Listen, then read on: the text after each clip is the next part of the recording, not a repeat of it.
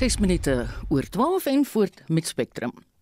Die departement van basiese onderwys het aangedui dat hy nie 'n dringende aansoek in die Hooggeregshof oor die publikasie van matriekuitslae gaan teenstaan nie.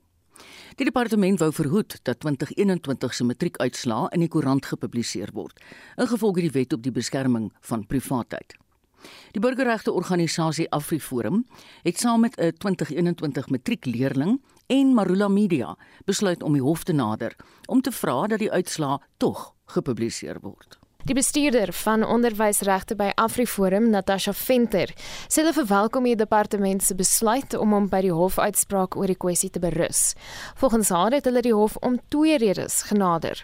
Uit die aard van die saak is intrinsieke motivering vir studente om te presteer die belangrikste motivering wat daar is, maar daar is ook sekere ekstrinsieke motivering soos om jou eksamennommer in die koerant te sien, te sien jy het behaal waarvoor jy so hard gewerk het. Ek dink die afgelope 2 jaar veral moes leerders verskriklik hard werk met die COVID regulasies en al die goed wat in skole in plek gestel is en ook die onderwysers dat hulle daai genoegdoening kan hê om dan nou te sien die studente het goed gedoen, die leerders het goed gedoen en hulle het behaal waarvoor hulle so hard gewerk het. In die tweede plek glo AfriForum dat die wetgewing verkeerd aangewend word. Hulle meen die uitslaa is in die openbare belang en dat die weerhouding daarvan 'n gevaarlike presedent vir die toekoms kan skep. Amor Burger Smit, 'n direkteur by Werkmans Prokureur sê ook die regering het die kat aan die stert beet. Die wet sê dat daar 'n reg tot privaatheid is Maar daar's 'n klomp ander regte wat ons grondwet vir ons waarborg wat dit teen gebalanseer moet word. En is daar agt kondisies of maatstawwe waarteen dit getoets moet word. So hierdie agt maatstawwe bepaal dan hoe jy regmatig data en persoonlike inligting kan prosesseer. Dis stappe om te verseker dat privaatheid dan nie geminag word nie. Volgens haar word leerdlinge se name boonop sedert 2014 nie meer in koerante gepubliseer nie. Slegs 'n ID en studentenommer word saam met die uitslaa gepubliseer.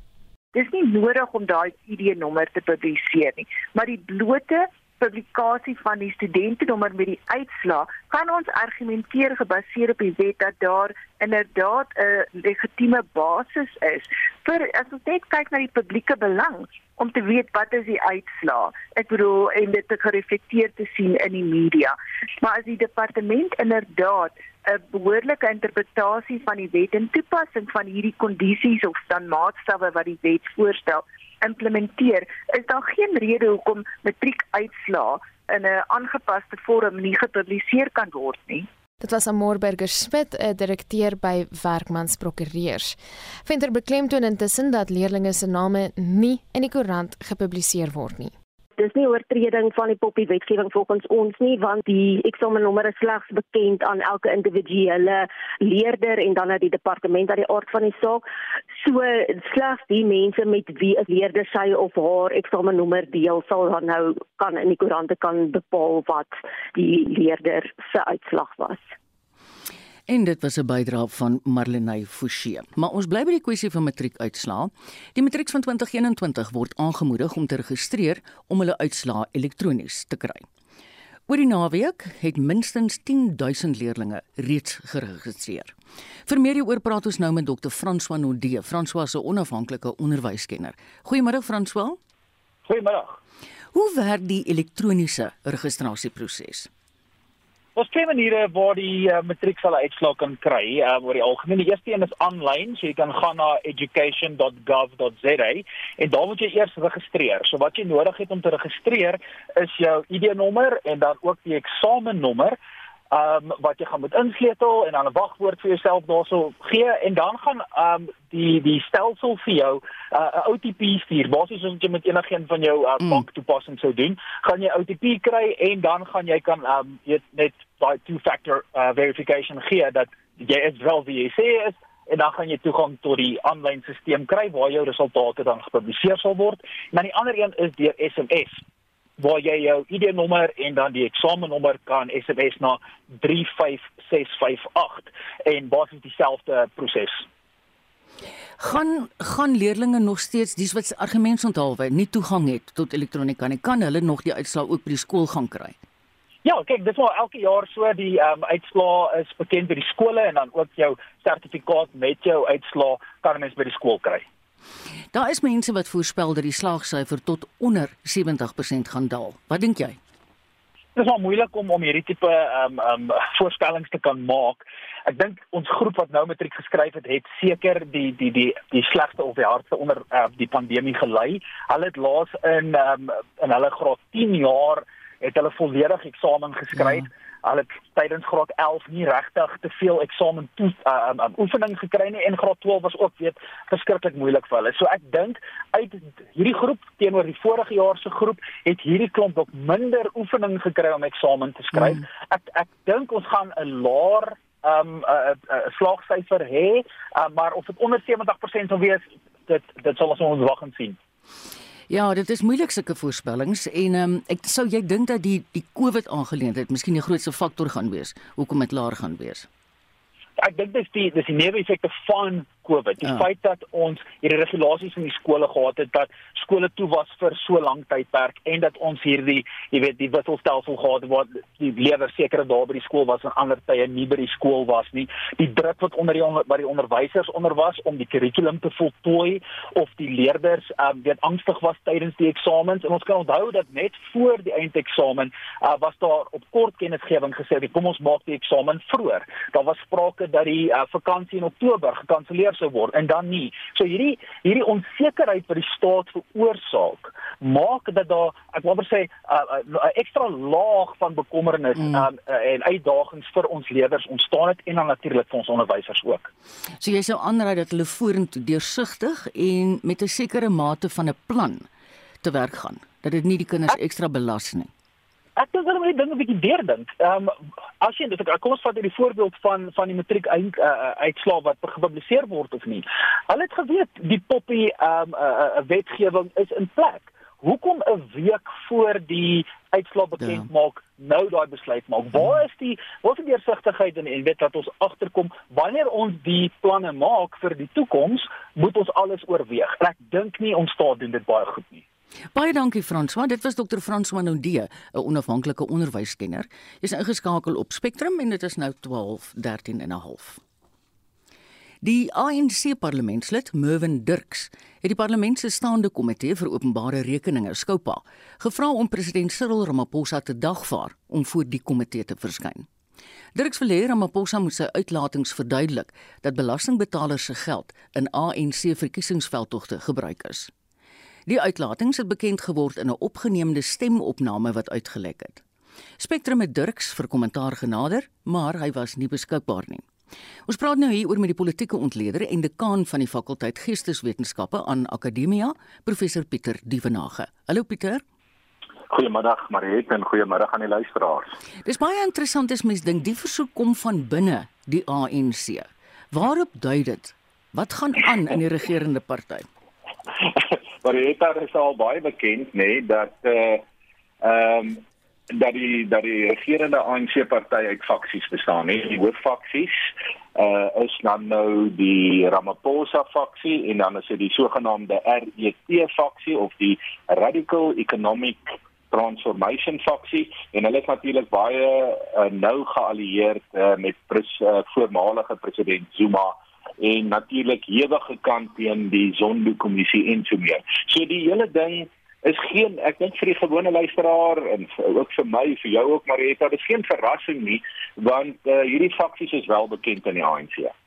Indien skoop al wel Ramaphosa gaan dagvaar om voor die komitee te verskyn. Wat dink jy kan ons verwag? Wel in die eerste plek moet mens kyk wie is Mervin Dirks en uh, hoe invloedryk is hy? Nou hy is iemand wat uit baie interessant. Hy kom uit KwaZulu-Natal. Dit is sy agtergrond.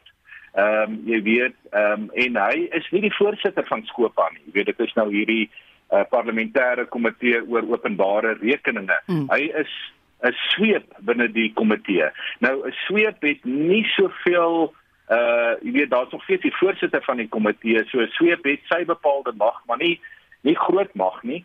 Ehm um, en mense sal nou moet sien indien uh, president Ramaphosa kan natuurlik gedagvaar word om voor die of nie gedagvaar is nie die regte woord nie, maar gevra word om te verskyn voor hierdie komitee in die parlement. soos uh, soos enige ander uh, staatsamptenaar of uh, politikus uh, of uh, jy weet uh, uh, iemand uit die uit die uh, jy weet uit die uitvoerende gesag en kan kan daar verskyn. En en die groot punt is nou net dit kan gebeur maar die vraag is net hoe invul hoe invloedryk is iemand soos meneer Mervin Dirks binne daai komitee? En tweedens het Skopa nie belangriker dinge om te ja. doen in hierdie stadium nie jy weet. Ja ek hoor jou.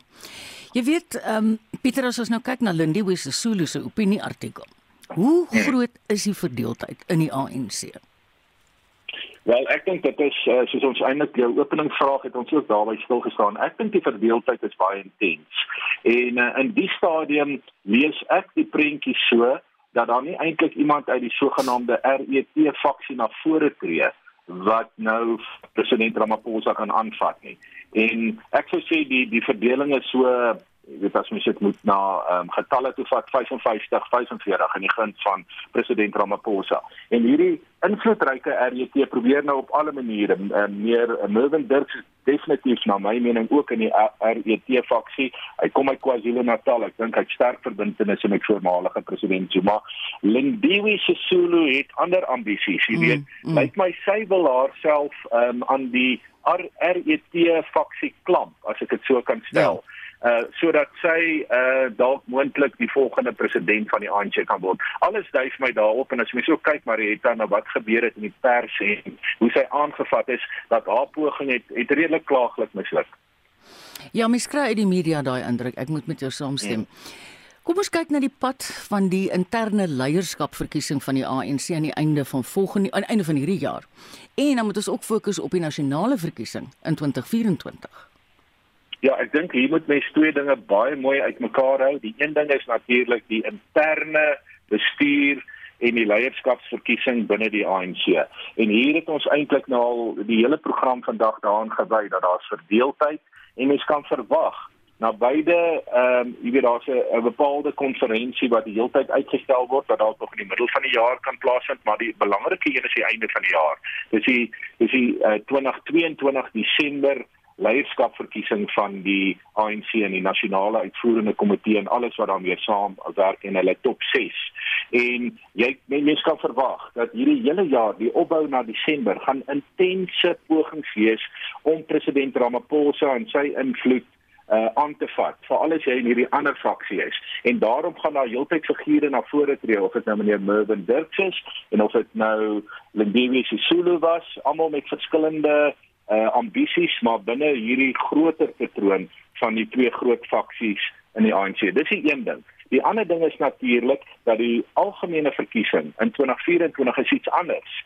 Dan is dit alle Suid-Afrikaners wat kan kies. Dis nie nou net 'n interne ANC ding nie. En ek dink mense moet baie deeglik kennis neem van wat vir hierdie jaar in die plaaslike verkiesings gebeur het en dat die ANC onder 50% ingekom het. Dit beteken dat koalisiepolitiek word die realiteit van Suid-Afrika. En my uh, voorspelling, jy weet as ek in die kristalbal kyk, mm. is dat die ANC uh, in 2024 ook moontlik onder uh 50% nasionaal en by sekere provinsies kan inkom en dat dit die politieke landkaart van Suid-Afrika kan verander en dat mens hopelik en en ek dink ek sien maar die hoop daar meer volwasse, meer professionele politiek kan kry uit hierdie koalisieklimaat.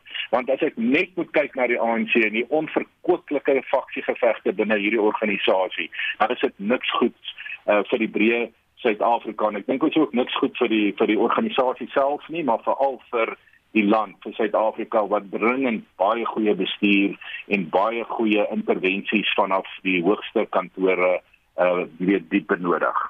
Baie baie dankie Pieter. Ons het gepraat met die politieke ontleder en dekaan van die fakulteit Geesteswetenskappe aan Akademia, professor Pieter Duvenage. 20 oor 12. Die Sondagkoerant City Press berig dat die polisiebegroting oor die volgende 3 jaar met 26 miljard rand gesny gaan word. Volgens ontleeders kan die polisie se vermoë om wet en orde te handhaaf ingeperk word. Ons praat nou met die Instituut vir Sekuriteitsstudies se hoof van geregtigheid en geweldvoorkoming, Gareth Neum. Hallo Gareth. Hello, good afternoon and thanks for having me on. Kan jy vir ons 'n oorsig gee van hierdie besnoeiings asseblief?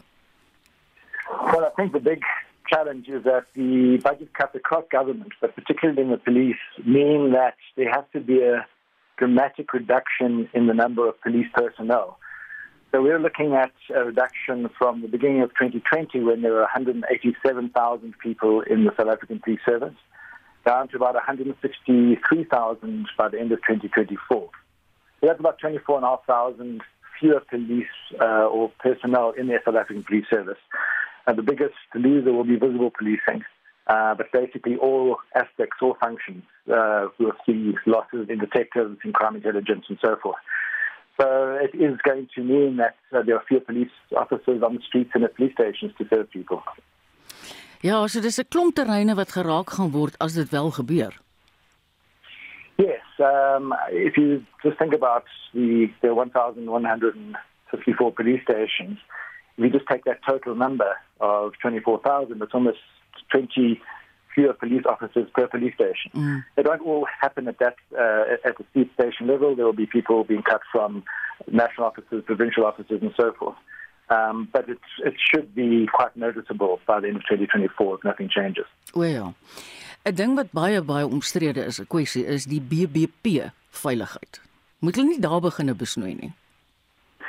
Yes, well, if you look at the budget increases that the South African Police Service has had since 2012 until 2020, the overall budget increased by 65.5%. Yeah. But for the VIP Protection Service, it increased by 136%. You. So the budget increase for VIP protection in those eight years was more than double the overall percentage budget for the entire organization. So it has grown quite considerably. Um, there will still be some cuts uh, in VIP personnel between now and the end of 2024, um, but their budget remains relatively stable in this period. So there's been a lot of criticism for that because obviously that's the one function of the police uh, that really protects a very small number of VIPs. Mm, mm. Whereas all the other functions, the visible policing, detectives, and crime intelligence have to make sure that all of us are safe. Uh, so there has been criticism that perhaps that that uh, that kind of protection should be downscaled considerably, and those resources applied better to more public safety intervention.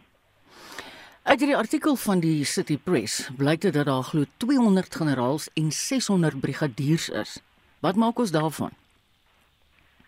Well, that is the, the um, consequence of the sort of growth in the top management echelon. Mm. So the senior management structure uh, consists of those 200 generals and over 600 brigadiers. But I think that the, the top management echelon, particularly the, the generals, have really grown a lot. Um, and the reason why has been largely political. So we had eight different people occupy the post of South African Police Service National Commissioner since 2009. Every one of those, almost every one of them, uh, some of them in permanent or acting positions, would then uh, create new posts and try and appoint people that were loyal to them in those posts. Uh, for example, in 2017, there were 55 new appointments made to the top management echelon by then former acting national commissioner Khomotso Pahlane. Mm. And so this, this structure has just grown. Um, and unfortunately, we are not seeing the benefits for it. So although we've seen a big budget increase in the police, as I mentioned, 65% yeah. in 2012, most performance in the areas has deteriorated dramatically. Uh, numbers of people searched, the coordinate search operations, numbers of firearms recovered, all that has dropped by double figure digits. Um, and then, of course, accountability is largely collapsed. About the, the accountability system is only operating at about 30% mm. of the capability that it was about five years ago. So those top generals are not working as a coherent whole. Many of them do not possess uh, the skills or experience they need for the posts that they hold. And they undermine the work of the many really excellent generals and brigadiers that we do have. Yeah. Um, so we need to have a, a renewal there at that top management echelon. Gareth, daar's heelwat organisasies wat vra vir polisie hervorming. Jou mening? Yes, I think we're one of them, and I think anybody who's looked at what's been going on in the police for a number of years now um, recognizes that if you look at the budget, which is uh, you know well over 90 billion rand annually, uh, that we're not getting the bang, kind of a bang for our bucks. Um, since 2012, despite the 65% increase in the budget, murder has gone up by 37 percent armed robberies have gone up by 43%. It's simply not safer.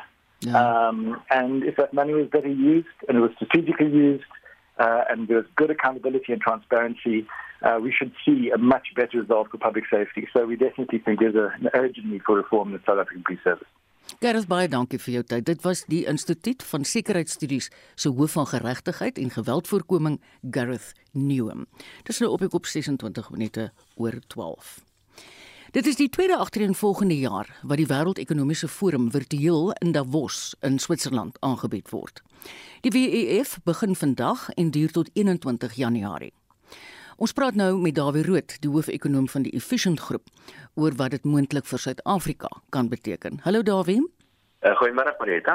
Kom ek en jy begin heel voor, dan vra ek vir jou, wat is die wat presies is die Wêreldekonomiese Forum?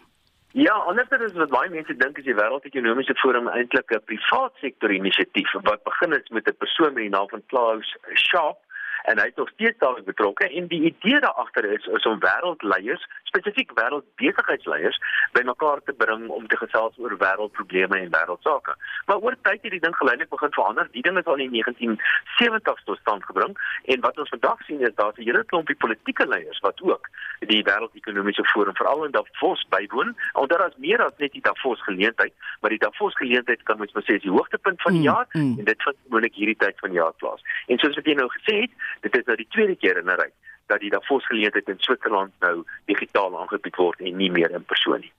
Verlede jaar was die WEF se tema The Great Reset om 'n wêreldwye ekonomiese en 'n sosiale stelsel te bou vir 'n meer regverdige, volhoubare en verkragtige toekoms. Nou president Cyril Ramaphosa was een van die sleutelsprekers. Ja. En hy het veral oor kwessies soos klimaatsverandering, instof, nasionalisme en armoede gepraat. Sedert 2021 was daar enige ingrypende veranderinge wat gemaak is oor hierdie kwessies. Die kort antwoord is nie werklik waar veel nie. Uh, dit is nou maar alles en ek gaan nou deur die agenda wat hulle beplan vir hierdie jaar. Ja, die agenda is baie dieselfde as wat my elke jaar kry. Dit gaan maar gewoonlik goed soos byvoorbeeld klimaat, klimaat uh, probleme. Uh, maar daar's enige tradisionele probleme wat ook uit hierdie afgelope tyd opgeduik het, soos byvoorbeeld COVID en aan die enstof en hoe dit maklik en beter versprei kan word. Maar wat ook onlangs na vore gekom het en vir ekonomie is dit nog baie belangrik, is die sogenaamde vervaardigingsketting of die supply chain wat mm. ernstig ontwrig is die afgelope tyd. En dit is ook deel van die bespreking uh, wat uh, wat dan by Davos of dan digitaal by Davos uh, aan uh, aangeraak word. Wat ek dink wat wat mense ook moet besef, dit is alles goed en wel om alles dan nou by wyse van internet koneksie om met mekaar te gesels om 'n digitale tafel met mekaar te gesels, maar dit is heeltemal dis wat nie dieselfde as wat die aanvanklike idee was nie.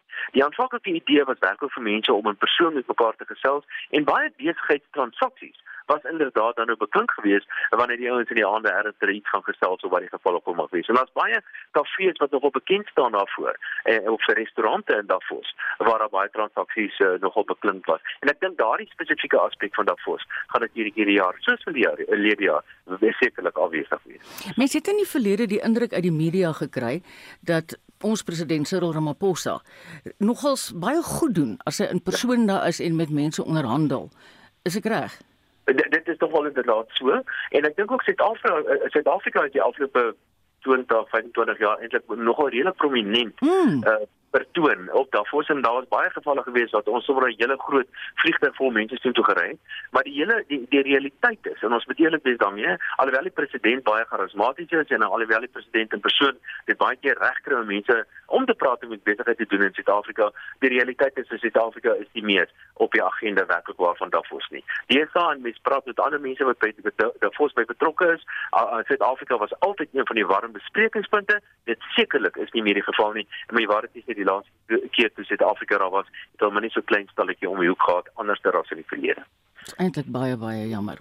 Nou vanjaar se tema van hulle is working together restoring trust met die doel om probleemkwessies wat instel soos jy nou gesê deur die COVID pandemie vererger is aan te pak. So watter kwessies dink jy as jy nou na daai agenda kyk, gaan vanjaar enigsins hond haar afmaak?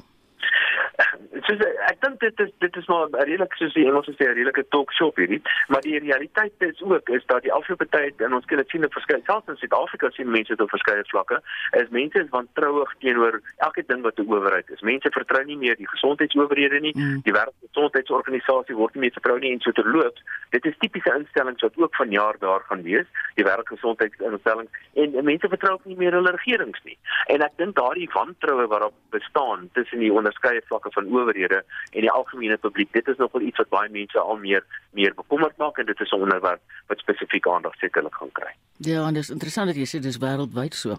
Dawie, wat is jou voorspellings van die ekonomiese syfers wat hierdie week vrygestel word, soos byvoorbeeld die inflasiekoers? Uh, uh, dit is en ek dink wat ekonome betref gaan dit sekerlik ook 'n besprekingsonderwerp wees uh, digitaal by Davos en die rede hoekom is daar 'n groot debat onder die ekonome en die vraag is is die inflasie wat ons tans ervaar wêreldwyd en natuurlik in Suid-Afrika ook, is dit tydelik van aard of is dit ja. meer permanent van aard? Hmm. En dit lyk my ekonomiese mening begin geleidelik te skuif om te dink dit is bietjie meer permanent van aard. En dit gaan uh, natuurlik baie groot implikasies inhou vir goed soos monetêre beleid en ek dink kortliks wat ek wil probeer sê is dat inflasie in Suid-Afrika en wêreldwyd lyk dit vir my hier te bly om te bly ten minste in die korttermyn en dit beteken monetêre beleid met ander woorde rentekoerse sal waarskynlik vinniger en meer verhoog moet word as wat ons aanvanklik gedink het. Dawie, ek sien jou altyd as 'n redelike optimistiese ou, maar ek moet sê hierdie nuus wat jy vandag vir ons gebring het, skep nie eintlik optimis by my my nie. Maar baie dankie vir jou tyd. Dit was Dawie Rood. Hy was die hoofekonoom van die Efficient Groep. Grootskaalse reën het oorstromings in talle dele van die Vrystaat veroorsaak. Saaiboere is veral bekommerd omdat hulle groot skade met aanplantings en oeste gelei het. Ons praat nou met die president van Vrystaat Landbou, François Wilken. Goeiemôre François. Goeiemiddag Marita, goeiemiddag luisteraars. Waar het dit oral oorstroom die afgelope tyd? Want dit lyk vir my hierdie gebiede kry swaar. Ja, Marita, wie uh, dis so moeilik. Ek het vanoggend weer vir die ouens gevra om 'n bietjie te laat weet, maar dit is redelik wyd versprei. Ons het gefokus op die Wes-Vrystaat, maar hy hy hy's maar wyd uh, Oos-Vrystaat. Daar sit hulle self as ons vat lê die brand gister oorstromings gehad tussen Voorriesburg en Clarence was daar baie ewige reën. Op hierdie huidige stadium is dit amper so as 'n 30 mm reën is dit eintlik oorstromings want die aarde is totaal en al versadig en die water loop net. Ek moet jou sê dit breek mense hart, maar kyk die insetkoste is klaar aangegaan. Ek meen die kunsmis en die aanplanting en alles. En nou lyk like dit vir my dit is dis 'n probleem met die oeste. Ja, jy weet Marita, mens kan nie dink dat jy 3 ons 3 jaar terug het ons uh, gewag vir reën vir mm. uitkomste uit die droogte uit mm. en nou mm. sit ons met hierdie teenoorgestelde, jy weet, en mense verstaan nie altyd daai situasie dat hulle sê maklik as die boere dan nooit tevrede nie. Maar jy weet so wat jy tereg sê, weet daai insette is reeds in die grond en ons insette het gestyg vir jaar met tot 100% in sommige gevalle en selfs meer. So daai insette is klaar in die grond. Daai ouens sit en wag en ek dink ons is nou by die punt verby dat enigiets wat nou gebeur kan nie meer iets herstel nie. Uh, Daar's bittermin suikerbone geplant in die Oos-Vrystaat en in die Noord-Vrystaat. Sonneblomme aanplantings is is is vertraag. Uh die mielies wat op die land staan. Dan die teen die die, die teendeel is ook waar. Sommige gebiede waar die gronde bietjie anders is, bietjie vroeër geplant het, daar staan wonderlike oes op die land. So dis nie net negatief nie, mm, mm. maar uh dit is regtig 'n uitdaging vir die boere vir hierdie jaar. Kan julle al in daai gebiede waar so erg oorstroom het, kan julle al daar in die lande ingaan? Nee, hulle jy kan ingaan, maar jy gaan nie weer uitkom nie. jy gaan daar bly sit. jy gaan daar bly sit. Ja. Ai, ons is besig met opnames oor jy weet oor 'n groot uh, uh, klomp besighede en ons en en die die regering probeer nou uh, opnames maak om te kyk hoe wyd is die skade en hoe permanent is die skade en wat die uh uiteindelike syfers gaan wees, maar dit dis nog baie moeilik op hierdie stadium. Ek wil jou vra, hulle voorspel sien ek vir Vrydag sonskyn, maar is dit jou laaste laat sê jy? Jo, ja, ek dink die die die landerye is so nat, jy gaan soveel son nodig hê om die om die vog uit te trek om die die plante weet nou uit die water uit te kry dat hulle net weer kan suurstof kry. Dis maar die probleem, jy weet, en dan die die die uh, onkruidbeheer was onmoontlik vir jaar. Jy weet jy kan nou met die vliegtye probeer en dan topbemestings en goeders om te gee is net is net totaal onmoontlik. So dit is dit raak eintlik nou 'n verlore stryd in elk geval. Ek dink reeds ons is reeds daarby. Ek is regtig jammer om dit te hoor en ek dink so voel baie mense in Suid-Afrika ons het deernis daarmee. Vrystaat Landbou het 'n beroep gedoen op die Vrystaatse regering om die provinsie as 'n vloedrampgebied te verklaar, net sodat hulle bystand kan verleen aan die boere. Het julle nou al terugvoer gekry? Nee, ons het nog nie, ons is besig, ons druk hard daarvoor. Uh wat ons op mekaar moet sê is dat Ek dink nie ons gaan ooit finansiële bystand kry nie, maar dit skop 'n ander paar goed in plek, weet, soos byvoorbeeld belastings en goed wat uh, ook kan verminder ja. by die munisipaliteite en om hmm. daai prosesse aan die gang te sit. Hierdie is 'n gaan 'n poging verg van 'n paar slim koppe finansieringsinstellings, insetverskaffers, ons landboubesighede. Ons as georganiseerde landbou en die boere sal sal hier moet haas uit die hoed uit trek. Mm Want as ons gaan kyk die boere wat nou op daai plase, dis die mense wat die droogte oor oorleef het. So dit is ons goeie boere. Ons kan nie daai mense verloor nie. Ons moet daai mense op hulle plase hou met alles wat ons kan. Baie dankie Fransman, baie sterk te hoor. Ons het gepraat met die president van Vrystaat Landbou, François Wilken. Jy's ingeskakel op RSG en hierdie is die program Spectrum. Die Nederlandse kabinet is verlede week uiteindelik ingehuldig nadat dit 9 maande geneem het om 'n nuwe koalisieregering te vorm. Een van die nuwe regering se uitdagings is betogings teen inentings en COVID-19 inperkings. Ons praat nou met Evert van Vlastuin, die redakteur van die nuusplatform CNE News. Goeiemôre Evert. Goeiemiddag Mariette. Hoe groot is die COVID-uitdaging in Nederland? Die is baie groot. Ehm uh, partykeer in uh, 2020 uh, en ook in 2021 uh, die regering gedink is nou onder kontrole onder beheer, maar ehm um, in uh, November, Desember het nou toch weer die nieuwe Omicron variant. Mm. Um, ja, beheer geneem oor die ontwikkelingen. So, uh, ons is nou weer terug bij die nulpunt. En um, ons is nou ook weer uh, in een nieuwe lockdown. En um, die probleem is, niemand weet waar die einde is niet. So, niemand weet waar die beleid van die regering um, naartoe moet lei. So dis 'n uh, dis 'n groot probleem nie net vir Nederland nie, maar vir al die lande in Europa. Ja. Is daar baie groot verset teen hierdie nuwe reëlings? Ehm um, die verset is groot, maar is tog ook konstant. Uh dit groei nie en dit word ook nie kleiner nie. Daar's 'n konstante verset soos uh, nou gister uh, Sondagmiddag uh was daar uh, 15000 mense in Amsterdam wat nou betoog het. Ehm um, so partykeer sien jy dit is die ene dag is dit in Amsterdam, ander dag is dit in Haag dat mense saamkom om nou uh, te protesteer teen uh, besonder die vaksinasie natuurlik, die vaksinasie uh, verwagting. So de, in hmm. Nederland is daar um, geen verpligting nie, nog nie. Uh, party mense sê dat behoort te kom, maar ons weet dit nie. Maar in elk geval ehm um, is er natuurlijk toch een soort verwachtingen. Allemaal verwacht van jou dat jij mm. gaat vaccineren. Um, en die andere probleem is natuurlijk die sluiting van restaurants en andere ja. Um, ja, bezigheden. Wat mm. natuurlijk toch problematisch is. Mm. En waar niet um, um, geen hoop voor bestaan niet. Want als daar uh, telkens nieuwe lockdowns gaan komen, vanwege die Omicron variant of welke andere variant dan ook um, dan gaan jy weer geld verloor en weer mark mm. verloor en ehm um, daar is nie 'n perspektief nie, dis die kritiek. Evert, waar is jy gesetel?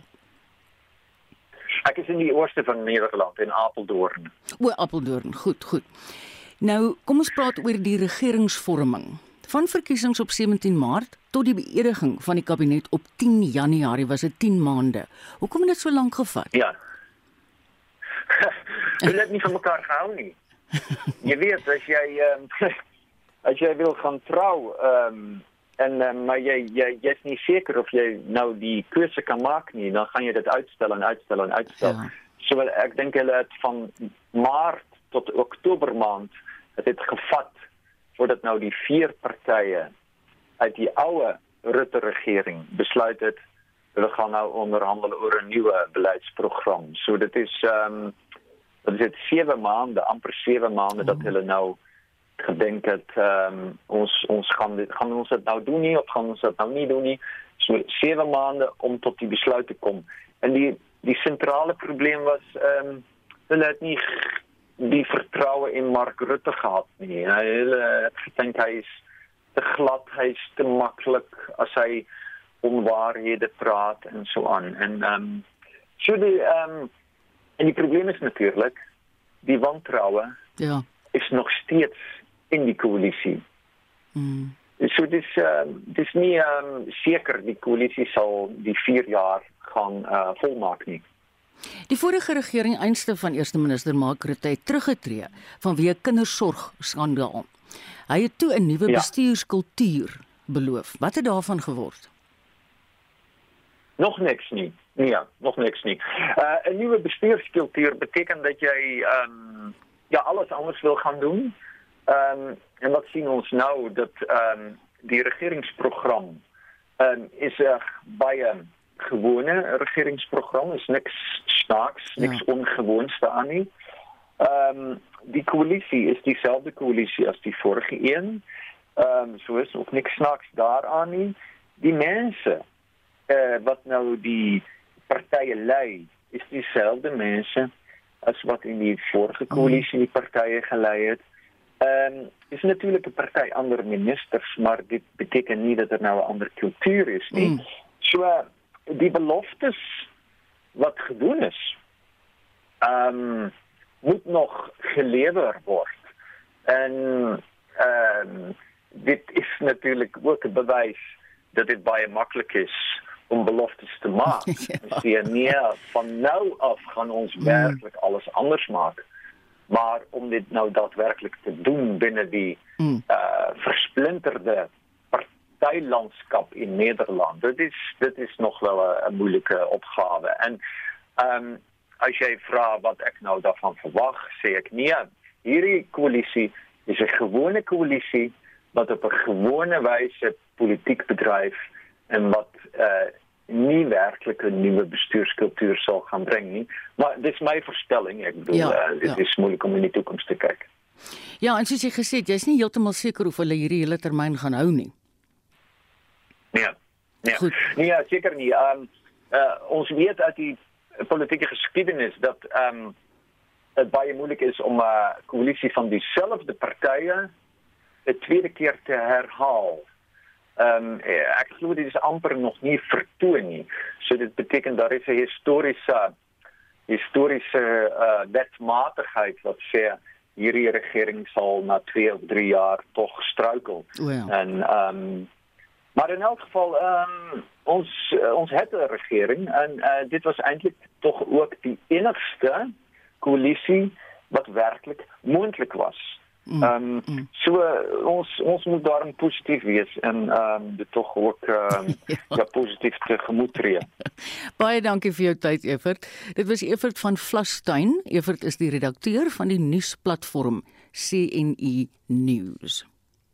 Die ACDP het kort voor Spectrum 'n media-konferensie gehou waarin die party beweer dat sommige COVID-19-inentings 'n gevaar inhou vir menslike gesondheid. Sosiale media-platforms gons behoorlik oor die aantuigings wat gemaak is van besering wat opgedoen is nadat mense hulle inspuitings gekry het. Vir meer hieroor praat ons nou met die party se adjunkpresident en LP Wayne Thring. Hallo Wayne. Good afternoon and thank you for having me. No, thank you. gaan goed, dankie. Why is your party concerned about the vaccines? Well, I think that the ACDP's position has been very clear from the outset. The ACDP has always called for safe voluntary vaccines, the contents of which must be made known. So the principle of informed consent, which is uh, a principle enshrined in the Constitution, uh, Chapter 2 of our Constitution, subsection 12.2, speaks about uh, the, the right to bodily and psychological integrity. And when any medication is uh, to be administered, uh, it is to be done with informed consent. and so that has been the ACDP's position um, particularly with regards to safe vaccines. When our president uh, he was invited, that's Dr. Kenneth Meshwe, was invited to KwaZulu Natal in a place called Newcastle, uh, where he heard of a paramedic who became ill after he had taken the Johnson and Johnson uh, vaccine. Mm. and so he visited the home of the paramedic and heard his story and was really moved uh, because he seems to be the paramedic, which is Mr. Zakele uh, Goto. He seems to be fighting this battle alone. Um, his employers have uh, almost distanced themselves from him. Mm. The salary that he was earning, uh, he's now he's been put off because he cannot work. While he was at work, he collapsed. He describes a number of injuries um, that he had to endure uh, including difficulty breathing, um, partial blindness, mm. uh, dizziness, uh, and now currently he has a uh, a growth on the side of his neck which is cancerous and has to he has to go for chemo, as well as has he has a tracheoscopy in his because he can't breathe. Yeah. Uh, so he's going through he's going through just so so many mm. challenges. So that was that was um, Zakele, Mr. Zakele Goko uh, from KwaZulu Natal, and then we also had a lady, um, and I'm not sure which part of the province she's from, but that was uh, Sorika Osthazen, and uh, she's a, a nurse and obviously uh, being a frontline nurse, they, you know, she wanted to do the right thing and was told that the vaccine is safe. But after she had her her vaccination, and I, I can't recall which uh, which one it was, but after she had her vaccination, she started experiencing numerous complications as well. okay. She's been in she's been in and out of hospital and has just come out of hospital. She was in ICU in December this year, uh, last year, and has just come out of ICU um, but again, really struggling to get support and understanding from those who encouraged her to take the vaccine. She now seems to be on her own, and the ACDP wants to take up the challenge of those who have taken the vaccine and want to share their case. In a democracy, we are saying that every voice and every story Can must be heard. Yes, you're very right. Thank you so much, Wayne. Dit was die ACDP se adjunkpresident en LP, Wayne Thring. Is dit nou vir ons die nuus en ontwikkelende stories wat sy dopgehou het en wat voorlê? Die ANC parlementslid Mervin Dirk sê die parlement se staande komitee vir openbare rekeninge skoupa gevra om president Cyril Ramaphosa te dagvaar om voor die komitee te verskyn. En dit is na aanleiding van Ramaphosa se uitlatings dat belastingbetalers se geld gebruik is om vir ANC verkiesingsveldtogte te betaal. Die politieke ontleder professor Pieter Dievenage sê die versoek dui op die verdeeldheid binne die ANC.